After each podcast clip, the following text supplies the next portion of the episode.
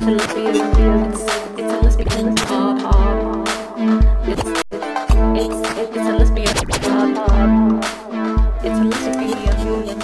och välkommen till en lesbisk podd. Du lyssnar på mig Lotta och, Mig Sofie. och idag tänkte vi prata om en sak som jag kommer in på strax. Men först tänkte jag kolla med dig Sofie. Vet du vad som händer den 11 oktober varje år? Ah! det här var taskigt. Ingen aning. Borde Jo. jag veta?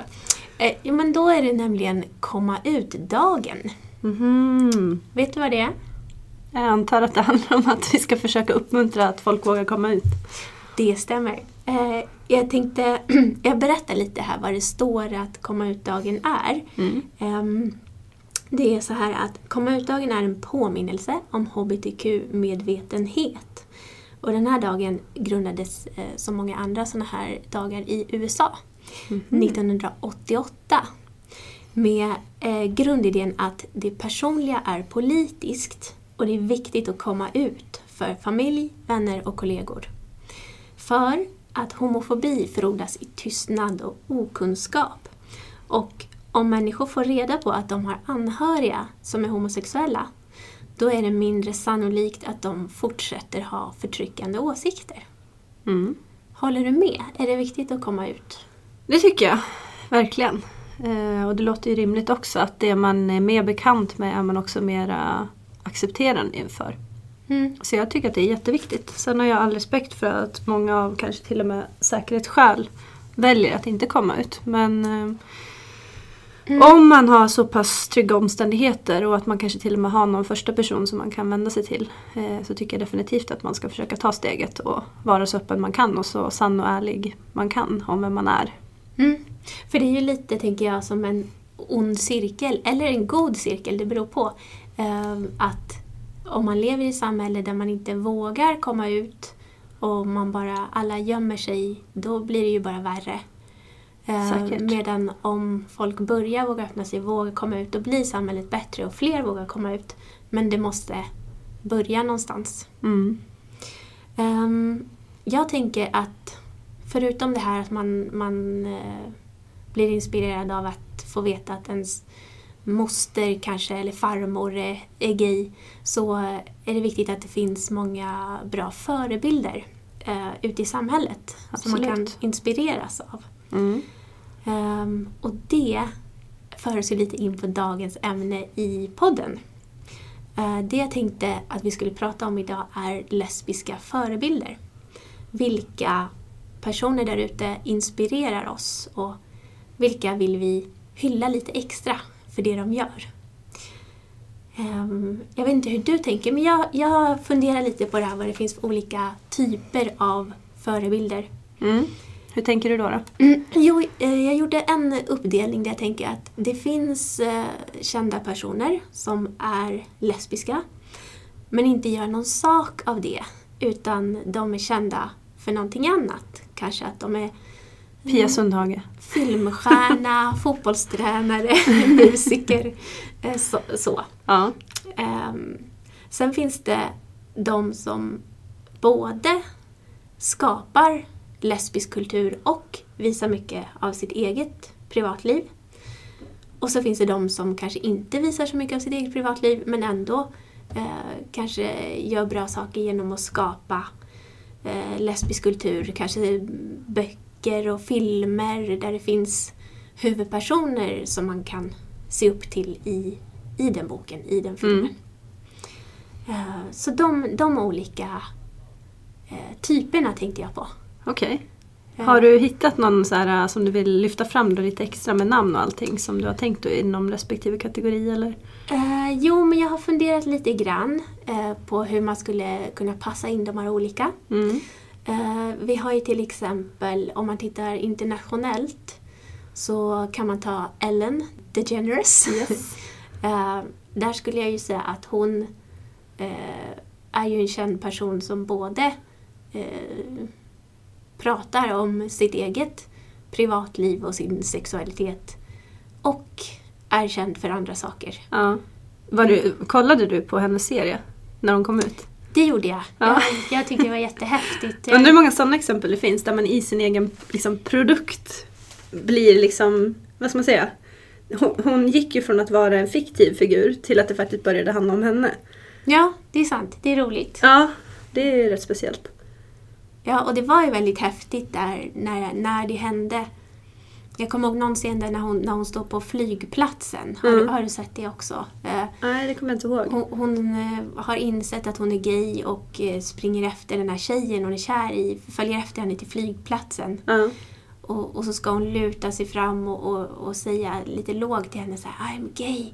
Och då, och då lutar hon sig fram mot den här mikrofonen där vid gaten som, så att hela flygplatsen Alltså jag kommer ihåg det lite grann när du berättar. Ja, det, det tyckte jag var jättehärligt att, att se. Ja. Ehm, Jag tycker också när man ser det här och tittar tillbaka på den serien så faktiskt glädjande nog så kan man ändå känna att det har hänt en del.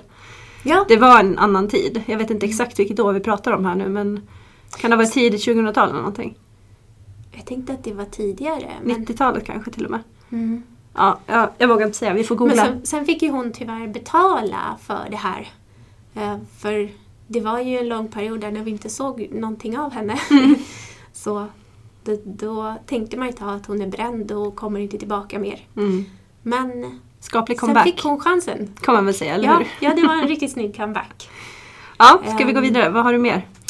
Ja, alltså vi har ju de här eh, olika kändisparen, tänker jag. Mm. Som eh, kanske många Förutom följer. Ellen och Portia menar du? Ja, om, om vi tittar lite på Sverige då. Mm. Ehm, så har vi ju kanske Eva och Eva. Vi Mm. har Anja och Filippa eh, som jag tror är förebilder för många. Att eh, många följer dem kanske på Instagram och ser vad, vad gör de nu. Ja. Ehm, och att, att det också är, har ett värde att man får följa personers vardag. Eh, se hur deras liv ser ut. Mm. Vad tänker du? Följer du några av de här? Jag följer nog alla höll jag på att säga. Du följer alla? Ja. vad, vad känner du att det ger dig? Nej men dels är det väl bara ren underhållning. Det är ju Mm. kul att se alltså, både kända och okända personer så är det ju roligt att följa folk i deras vardag. Eh, det är väl bara ett sätt att liksom istället för att man tittar på någon serie eller ser något underhållningsprogram som man kanske gjorde mera förut på TV eller liknande. Så har man ju flyttat över och ja, tar samma behov för utlopp i sociala medier till exempel. Men specifikt kring det här så är det väl, nu vet jag inte om det är det jag i första hand tänker på, men någonstans så ser man väl också som att det, det fyller en viktig funktion. Alltså att man bara kan se att människor som man säkert kan identifiera sig med, åtminstone många kan, eh, lever helt vanliga liv, eh, har bildat familj i de här fallen. Eh, det tror jag är viktigt för många. Och jag tror att det är viktigt säkert för många som är i sin komma ut-process också. För att många gånger så finns det ju en oro både från sig själv och man kan höra från föräldrar som uttrycker den att ja men ska man kunna få några barnbarn och allt det här.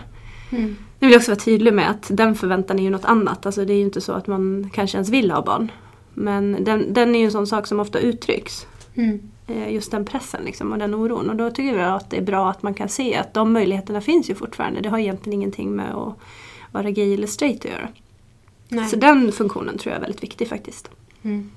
Ja, jag håller med dig. Jag tycker eh, de här personerna är jätteviktiga. Mm. Så om ni hör det här nu och ni inte vet om hur viktiga ni är så eh, ja, men då skickar vi ett stort tack till er för att ni finns och eh, visar upp era liv, Mm. tycker jag.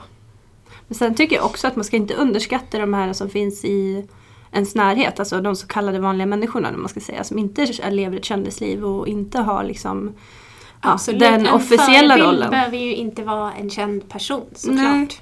Nej. Precis, för jag tänkte på det eh, faktiskt nu när du frågade, eller tog upp det här med förebilder. Alltså om Mm. jag ska titta mer på vilka som faktiskt jag ser som har varit mina förebilder. Ja. Då handlar det ju inte om de här kändaste personerna alls Okej. egentligen. Eh, jag kan faktiskt berätta den historien från början. ja, spännande. Ja, Då ska vi gå tillbaka till Sofie, 14 år. Mm. Eh, och det vet du Lotta, att jag har en bakgrund som fotbollsspelare. Mm. Och jag kan säga det att när jag var 14 år, det var ett stort år för mig. För det var då jag fick upp och spela med damlaget. Wow.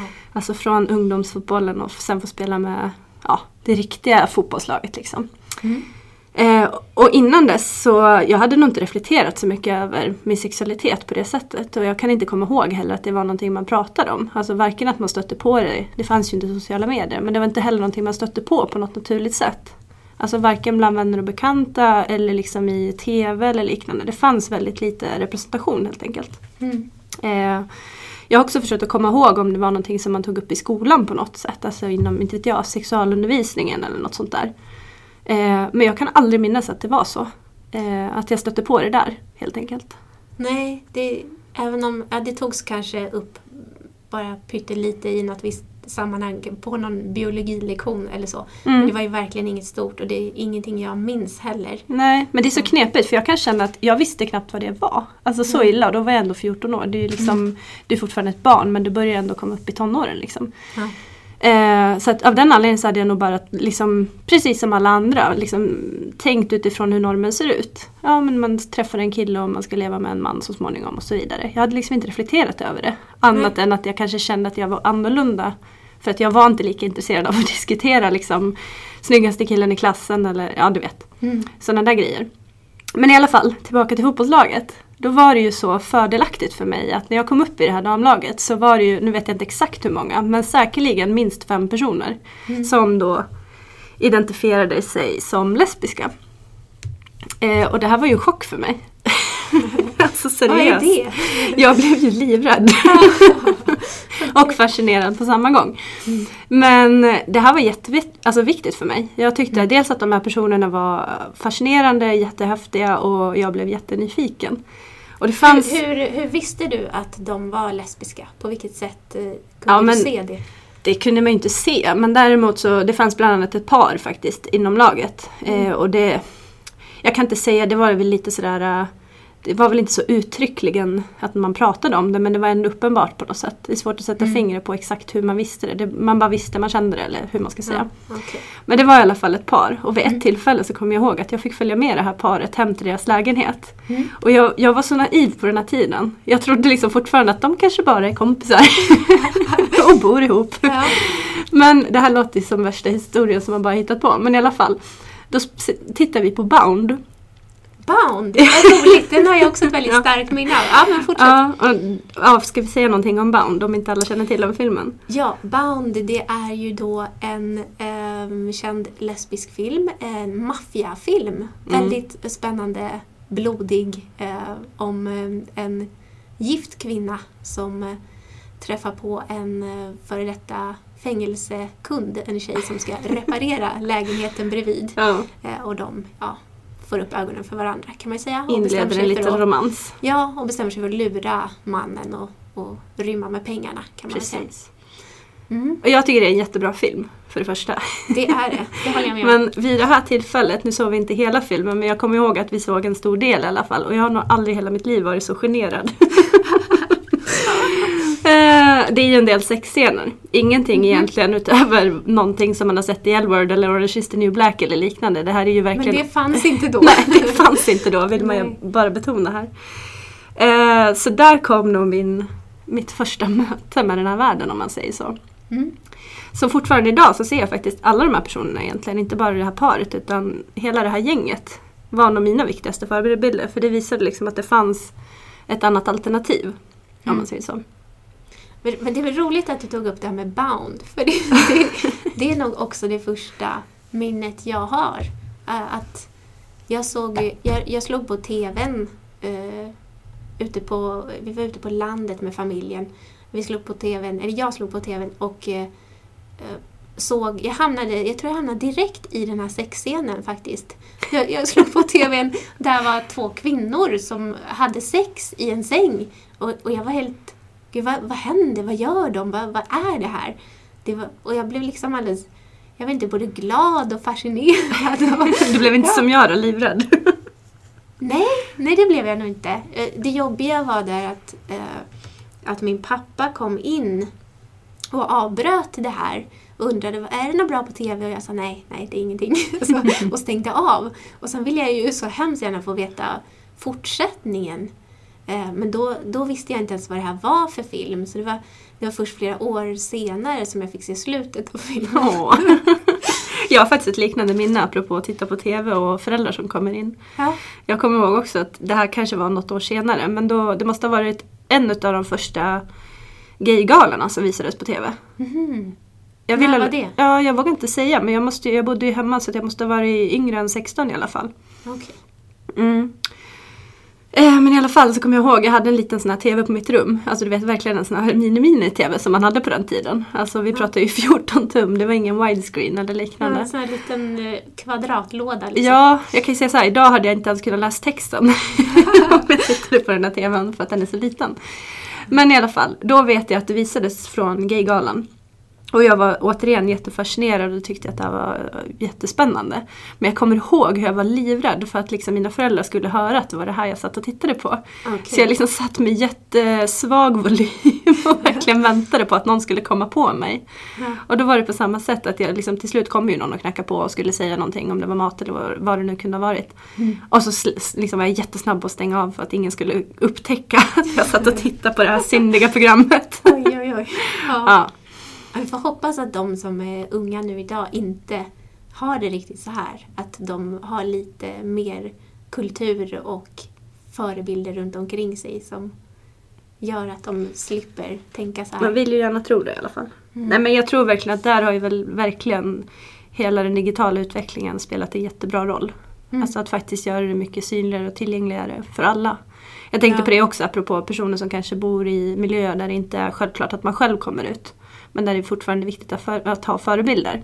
Mm. Så tänkte jag att det är ju inte bara viktigt att man har det inom sin egen miljö utan det kan ju också vara att man ser det, att det finns på andra ställen i samhället. Eller man ska säga. Mm. Alltså om det är så i andra länder så ser man i alla fall att det finns ett alternativ.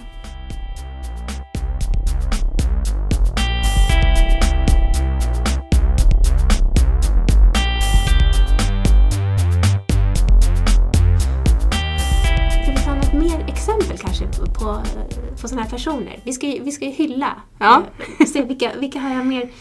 Eh, jo, jag tänker på personer också som Kajsa Bergqvist Ja. som ehm, verkligen har tagit ett ansvar här nu och, och gör ett, ett program om HBTQ i idrottsvärlden till exempel. Mm, Det, det är ju en jättebra sak tycker jag. verkligen.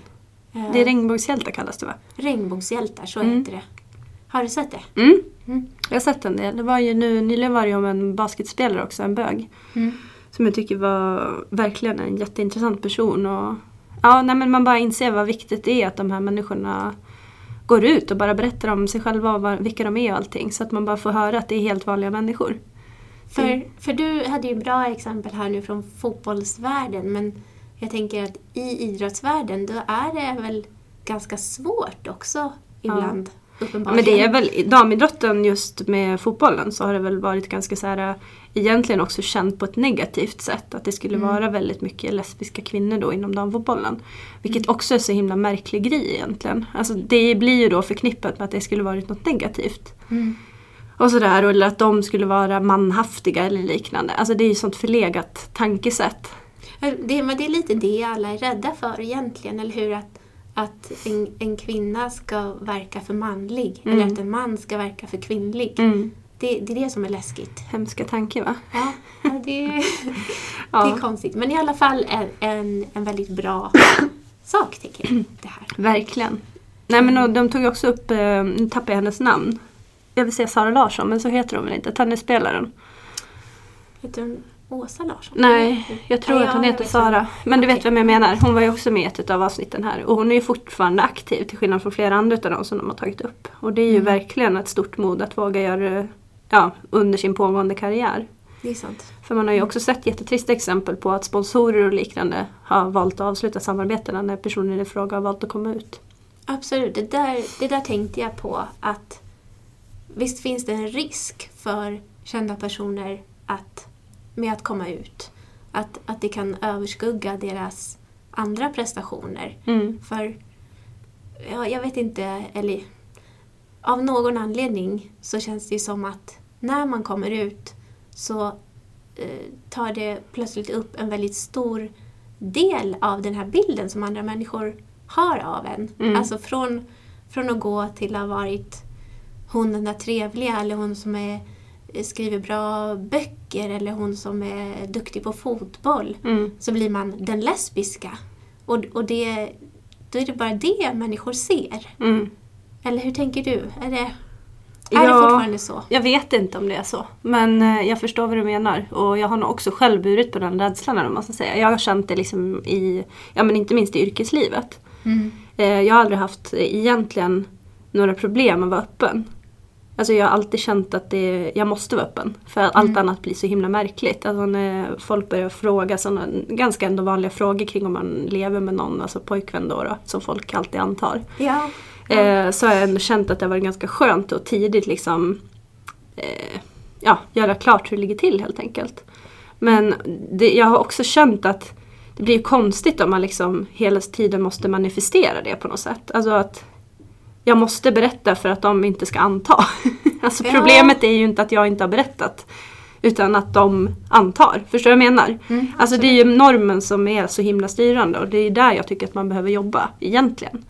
Ja. Men jag tror ju också att en del i att jobba med det är ju att när det blir mer öppet och man ser att det finns alla möjliga olika sorters människor Mm. eh, så blir det inte helt enkelt heller att anta en massa saker utan då får ju vi, tror jag, automatiskt ett mer öppet sinne.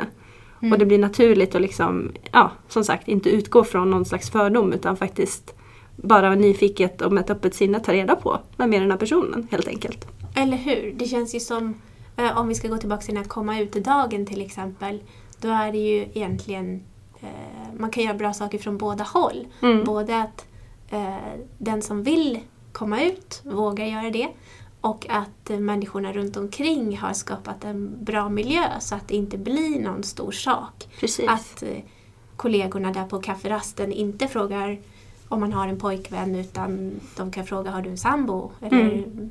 bor du med någon? Eller ja, vad, vad nu som helst som Ja. är lite mer neutralt och inte antar någonting. Precis. Mm. Just det. Jag tänker, har, har kändisar egentligen något ansvar för att komma ut?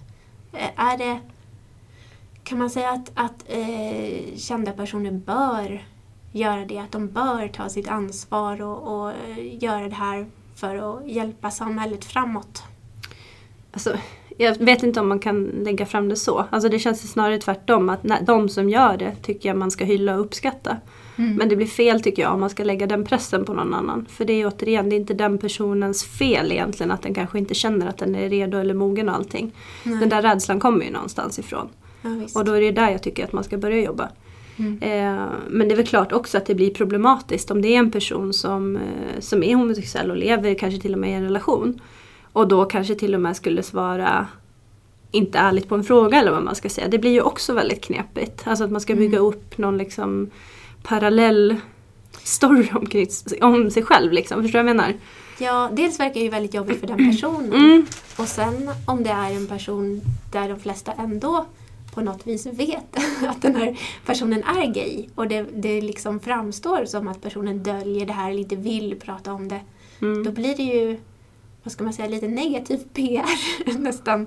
Ja. Att, att eh, människor tänker, jaha, det kan, man, kanske, man kanske inte kan komma ut, det kanske är dåligt, det är Mm. farligt eller... Men det är där problemet ligger. För jag tror att både hos den här personen och i samhället i stort så är det ju förknippat med att det skulle vara liksom inte lika bra Nej. som att vara straight. Mm. Det är ju det som är problemet. Så jag tror ju att det vi måste göra är att bygga upp någon form av stolthet alltså inom det här communityt. Sen får vi också komma ihåg att man kan ju faktiskt vara bi och man kan vara liksom Ja. varken eller eller allting. Alltså det, det finns ju många titlar, eller vad ska man säga, inte titlar, etiketter.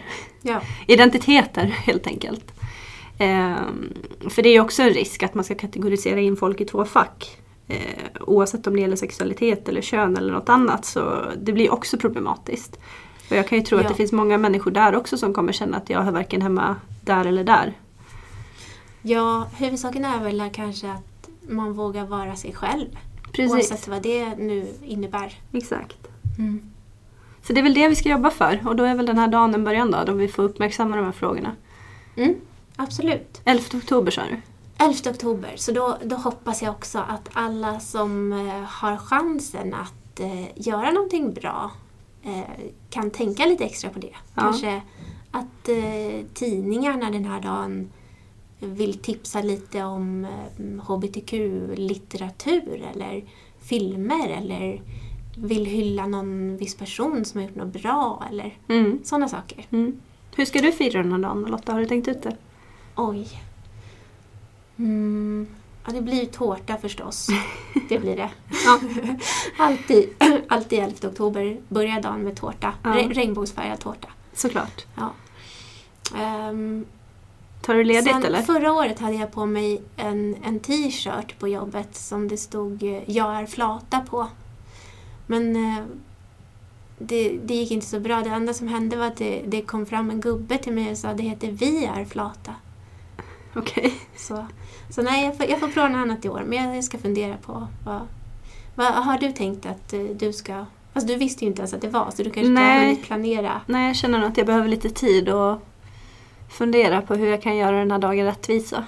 Mm. Men jag är ju mycket för fest och umgänge.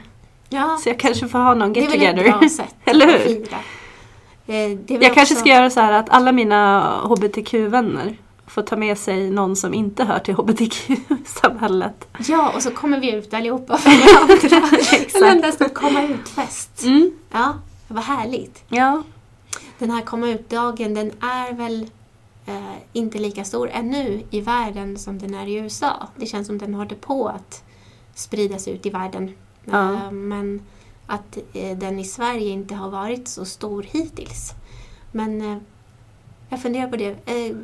Finns, det. finns det en poäng med att ha en sån här dag? Eller är det, är det viktiga kanske att man kommer ut varje dag? Så är det ju. Men så är det väl alltid. Det är ju även om man pratar 8 mars, alltså kvinnodagen och liknande så, så blir det ju problematiskt om det blir en dag om året som vi lyfter de här frågorna. Mm. Samtidigt så tror jag att det är bättre än att den inte hade funnits. För hade den inte funnits så hade det förmodligen varit lika tyst som det är alla övriga 364 dagar. Liksom. Helt sant. Så att Jag jag tycker väl att eh, så länge det ser ut som det gör så behövs de här dagarna. Men jag håller precis som du säger med dig om att arbetet måste ju pågå året runt. Varje Mm. dag, hela tiden. Absolut.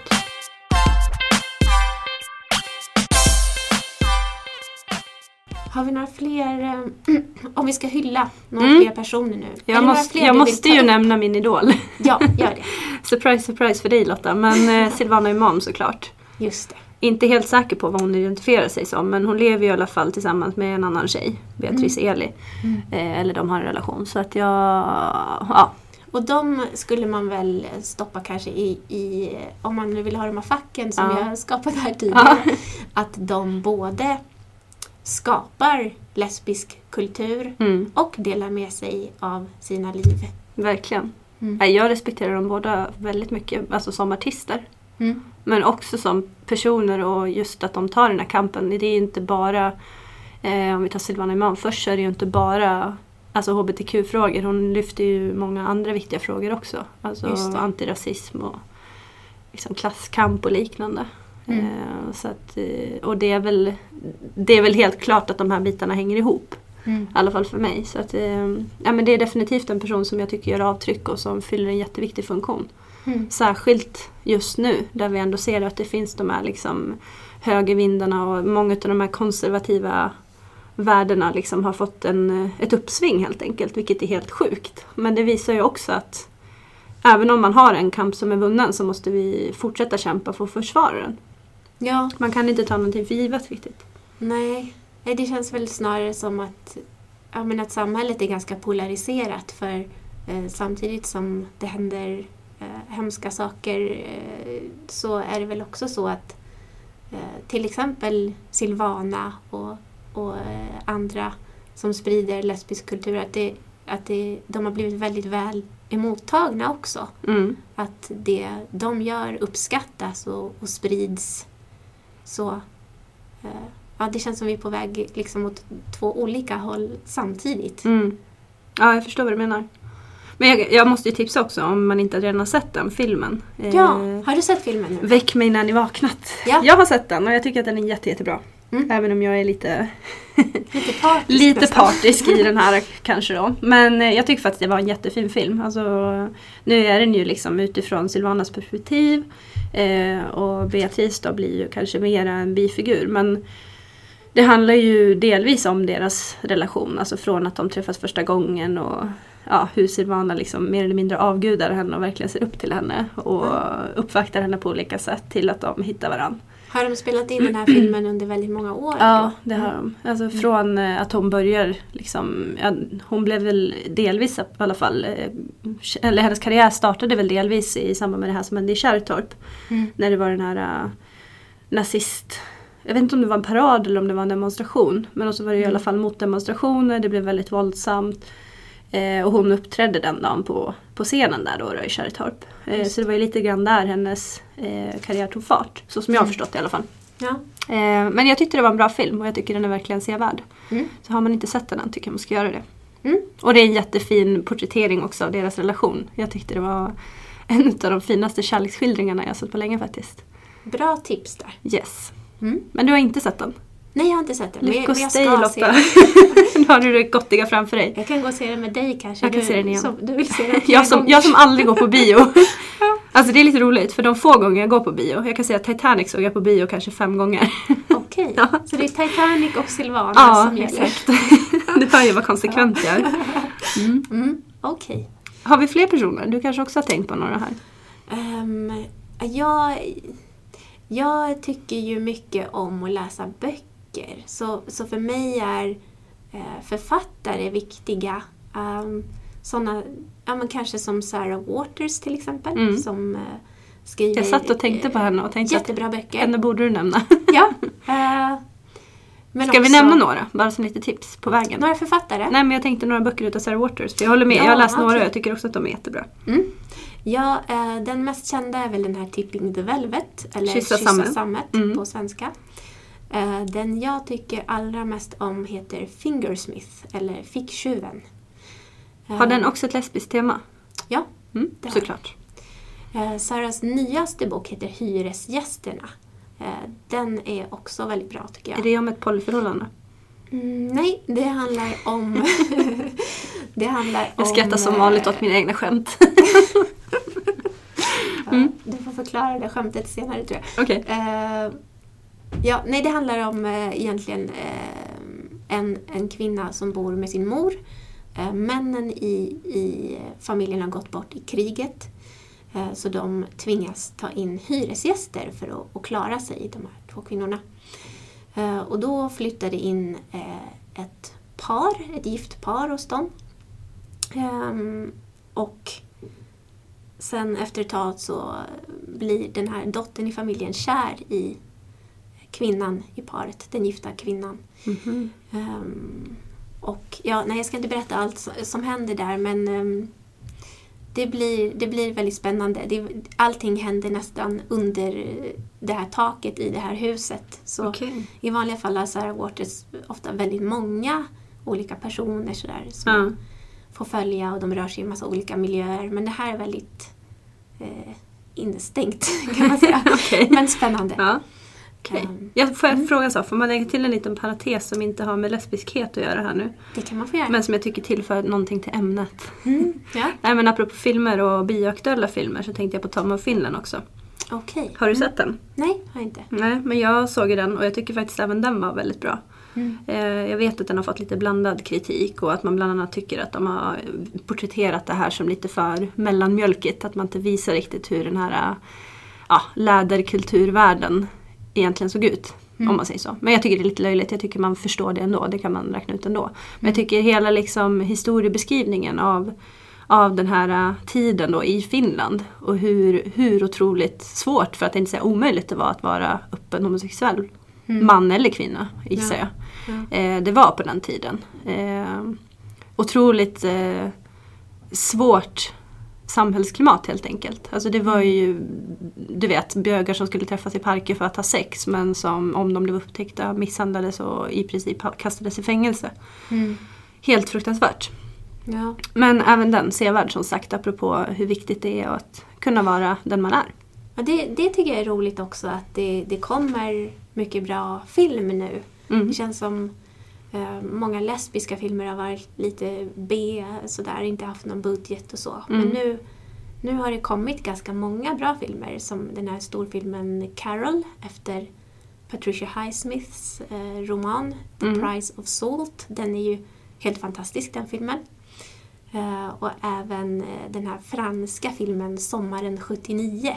Den är ju Mhm. himla bra. Eh, så ja, Vi kanske får kul. ha ett filmtema här. vi får kanske ha det. kommande ja. avsnitt. Ja, men, Men- lite teasers i alla fall. Ja, visst. Sa du fist? Eh, det tror jag inte att jag sa. Okej. Eh, hopp- jag hoppas inte det. Ehm, ja. Uh, något mer, någon mer person du känner att vi borde hylla idag? Alltså det finns ju jättemånga. Men det, som sagt, vi har varit Finns det några, finns det några straighta personer vi borde hylla för att de gör bra saker för lesbiska eller för hbtq-samhället? Ja. Det gör det säkert. Jag tänker alla, alla personer där ute som inte frågar om man har en pojkvän Mm. utan som tänker ett steg längre. Mm. Alla de vill jag hylla. Ja. Tack till alla er som tänker, tänker till liksom. Ja men faktiskt. Ja, det är ju inte mycket begärt kan jag ju samtidigt känna men ja, jag håller med dig. Det är väl bättre än inget. Ja men det är bättre att hylla dem än att skälla på alla de andra. Ja, ja det är sant. Om, och alla de andra de kan tänka att om, om de också tänker på det här i, i fortsättningen så kommer vi hylla dem också. Ja. De det att se fram emot. Ja, precis. Jag kan tänka på en annan sak. Det är ju många också som har blivit eh, vad ska man säga, kända genom att de har varit öppna i olika tv-program. Idol har ju till exempel haft en rad, både tjejer och killar, som har varit öppna. Eh, Jag tror till och med det har varit transpersoner. Mm. Eh, öppna transpersoner. Så det tycker jag också är positivt. Alltså att även underhållningsgenren liksom kan faktiskt tillföra någonting. Sen Mm. får man ta det för vad det är, det är ett underhållningsprogram. Men ändå, det blir ändå en representation som jag tycker är viktig att den finns liksom i alla olika forum. Mm. Så det tycker jag också vi kan lyfta som något positivt. Ja, det är bra. Mm. Jag funderar på om det finns någon känd politiker. Men Jag kommer inte på någon kvinnlig, men det är ju lite brist på dem överlag. Men var är det hon finns? Det, det är någon i... Är det Serbien eller någonting? Okej. Eh, som har... Nej, jag, jag, jag vågar inte säga. Det här var vi jag dåligt pålästa känner jag på, eller hur? ja, Ja, Det är lite skämskudde just nu känner jag. Nej, det här får vi verkligen ta tag i. Vi måste hitta en lista på folk som vi, vi vill lyfta fram.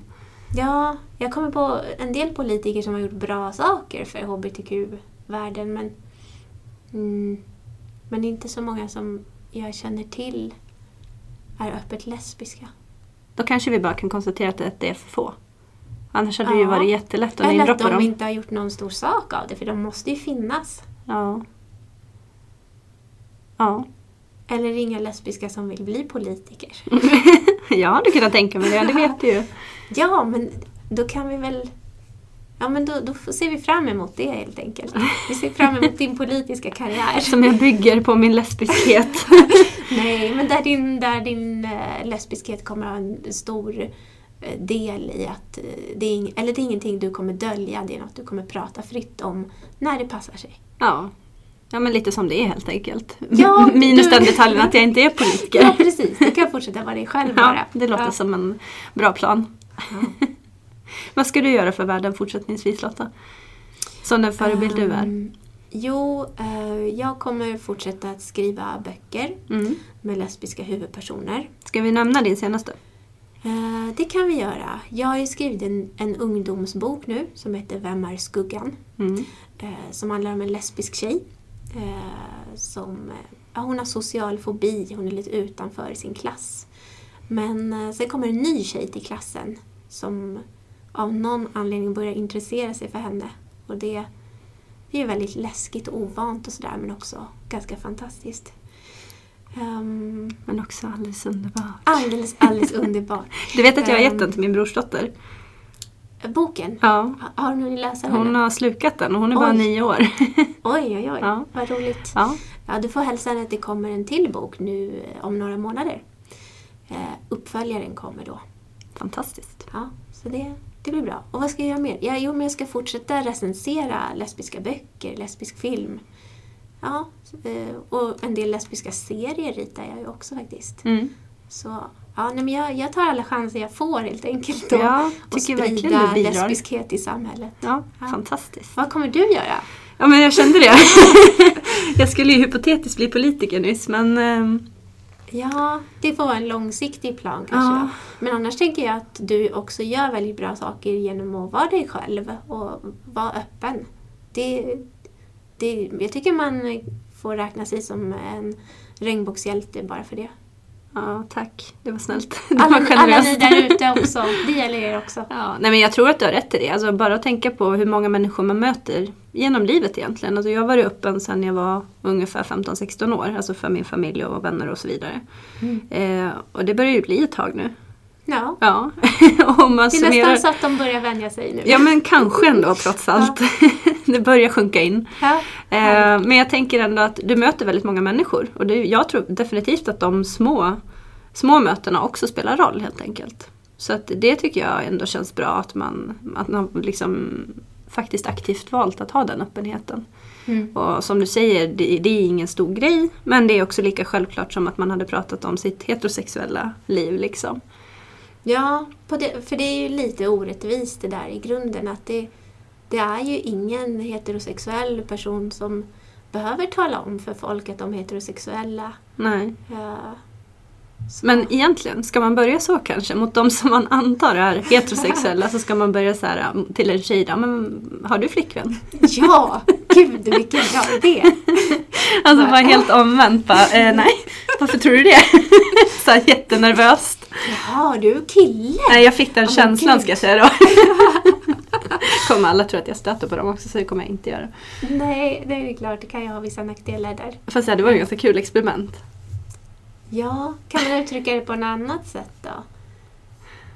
Ja, nej jag vet inte. Jag För- måste testa. För om man är neutrala mot heterosexuella människor och frågar har du sambo eller har du, då, då, då uppnår man ju egentligen ingenting för då, då kommer alla bara översätta det man säger till man. Mm. Eller, Nej men det är det jag menar. Det är Ja. ganska kul om man gör verkligen Mm. raka motsatser för det är så otänkbart liksom. Mm. Ja, ja, men det är bra. Vi kanske ska testa det här. Ja, får- och vi kan väl uppmuntra alla, lys- kanske- alla lyssnare också att försöka testa det här om man vågar. Ja, man får kanske välja vilka man vill prova det här på då. Ja. Att man inte börjar med chefen eller ja, eller det beror på vem som är ens chef. Ja, förstås. precis. Men ja, mm, bra idé. Mm. Ni får eh, återkomma till oss sen och berätta hur det gick. Ja, det ser jag fram emot. Vilka reaktioner som, som ni har mött. Jag vill höra lite, histori- lite historia faktiskt på det här temat. Ja, det skulle vara kul. Um, hörru du, vad har vi kommit fram till idag? Att det är viktigt med förebilder. Mm, det är det. och eh, att vi alla kan vara små förebilder åtminstone oavsett om vi är kända eller inte. Ja, alla kan vi vara förebilder. Mm. Och alla, alla förebilder är viktiga oavsett vad man gör, på vilket sätt man gör det. Om man eh, vill vara väldigt öppen med sitt eget privatliv, visst då är det jättebra. Men eh, vill man eh, hitta andra vägar, vill man skriva böcker, skapa filmer eller vad det nu kan vara, så är det också positivt. Mm. Så Och vi har också kommit på att vi kan för få. Vi kan för få förebilder. Ja, vi kan inte nämna så många kända förebilder i alla fall och det tycker jag ändå tyder på att det finns en brist på dem så att vi kan väl bara uppmuntra ännu fler. Ja, precis. Inom vissa områden kan vi nämna många och Ja. inom andra områden eh, är det ganska blankt. Precis. Ja. Politiker och eh, företagsprofiler känner jag är rätt få. Som Mm. jag känner till i alla fall. Ja, samma här. Mm. Det inom kulturvärlden egentligen. Men vad heter hon kvinnan som var med under Pride också? I det här eh, samtalet som var. Det var väldigt många samtal under Mm. Pride. Stockholm Pride är vi på va? Precis, förlåt. Men eh, ja, nej du det står verkligen Är still. det en politiker vi söker? Nej, en företagsprofil som har varit i näringslivet ganska högt upp under många år. Men som också faktiskt har valt att vara öppen. Mm, vad gör personen? Hon är företagare. Nej men, företagare. nej, men jag tror att hon är någon form av lite så här styrelseproffs, du vet. Okej. Men och, också har jobbat och du väldigt- lyssnade på ett samtal med den här personen Ja, under Pride? det roliga är att det var tre personer med i samtalet och jag kommer bara ihåg två. Okej. Men det var i alla fall hon och Eva Dahlgren. Jo, men det var ju Birgitta Olsson som ledde det. Ah, okej. Mm. Men jag funderar på, för hon var ju inte i panelen för hon lever ju med en man. Men eh, det var ju en tredje lesbisk karaktär höll jag på att säga. Men jag kommer faktiskt inte ihåg vem det var. Missade du det här? Ja, jag missade det här. Okej. Det var inte, det var inte biskopen Eva Brunne? Jo, det var det. Precis. Ja, Men okej. det var Eva Brunne... Får jag googla? Du får googla. Nej, men jag tror att det här... Oj, du får inte googla för det låter i mikrofonen. Du får ta bort den därifrån. Eh, jo, men jag tror att, att det här eh, samtalet eh, refererades av någon eh, så att man kunde läsa det på Twitter. Det kanske man kan fortfarande. Men det kanske man kan. För jag minns att eh, jag såg vissa eh, bra saker där som jag förstås inte minns längre, men att det sades många bra saker. Men du var där på plats, eller? Jag var där på plats. Jag hoppas och tror att jag kommer hitta det här inom några sekunder. Ge mig en chans bara. Eh, så ska vi se. Där har vi dem. Namn, namn. Näringslivsprofilen Helena Westin. Okej, vad gör Helena? Hon är näringslivsprofil. Jaha, ja okej. Aj, gud, jag lyssnar dåligt. Nej men det var så här. Birgitta Olsson har bjudit in artisten Eva Dahlgren, biskopen Eva Brunne och näringslivsprofilen Helen, Helena Westin för ett spännande samtal. Mm. Och det var ett väldigt bra samtal faktiskt. Och det var ju precis på det här temat som vi har pratat om nu. Mm. Just det här med, ser man sig själv som en förebild? Eh, har man själv några förebilder? Vad har det inneburit att vara öppen homosexuell? Mm. Och så vidare. Och det här är ju tre väldigt kända personer. Men inom helt olika genrer eller vad man ska säga, eller områden. Mm. Det, det låter som det skulle kunna bli ett spännande samtal. Ja. Mm. Nu är det Och ju det- ingenting jag kan tipsa om för det har ju redan varit. Men det var väldigt Jag, jag intressant. tror att man kan se ett referat av det där samtalet någonstans. Men Mm. vi kan ju se om vi kan hitta det efteråt sen Mm. kanske. Kan vi lägga till det. Google, eller Google är en av de sökmotorer som finns då. då. Jaha, okej. Ja, bra tips. Ja, Ja. eh, De brukar ju kunna leda rätt. prideiga färger också, jag har hört. Mm. Google. Exakt. Vi ska se vad de gör den 11 oktober. Ja, Om de klarar hela Google-tipsnittet i regnbågsfärger. om någon från Google hör det här. Ja. Vi har ett bra tips till er. Ja. Precis. Ja, Okej, eh, men du det var väl eh, en bra avslutning eh, på programmet. Jag hoppas det. Ja. En del tips fick vi med i alla fall. Ja, det tycker jag. Eh, så alla ni där ute som gör jättebra saker, fortsätt med det. Hurra! Hurra Till er! för er! Hej då! Hej.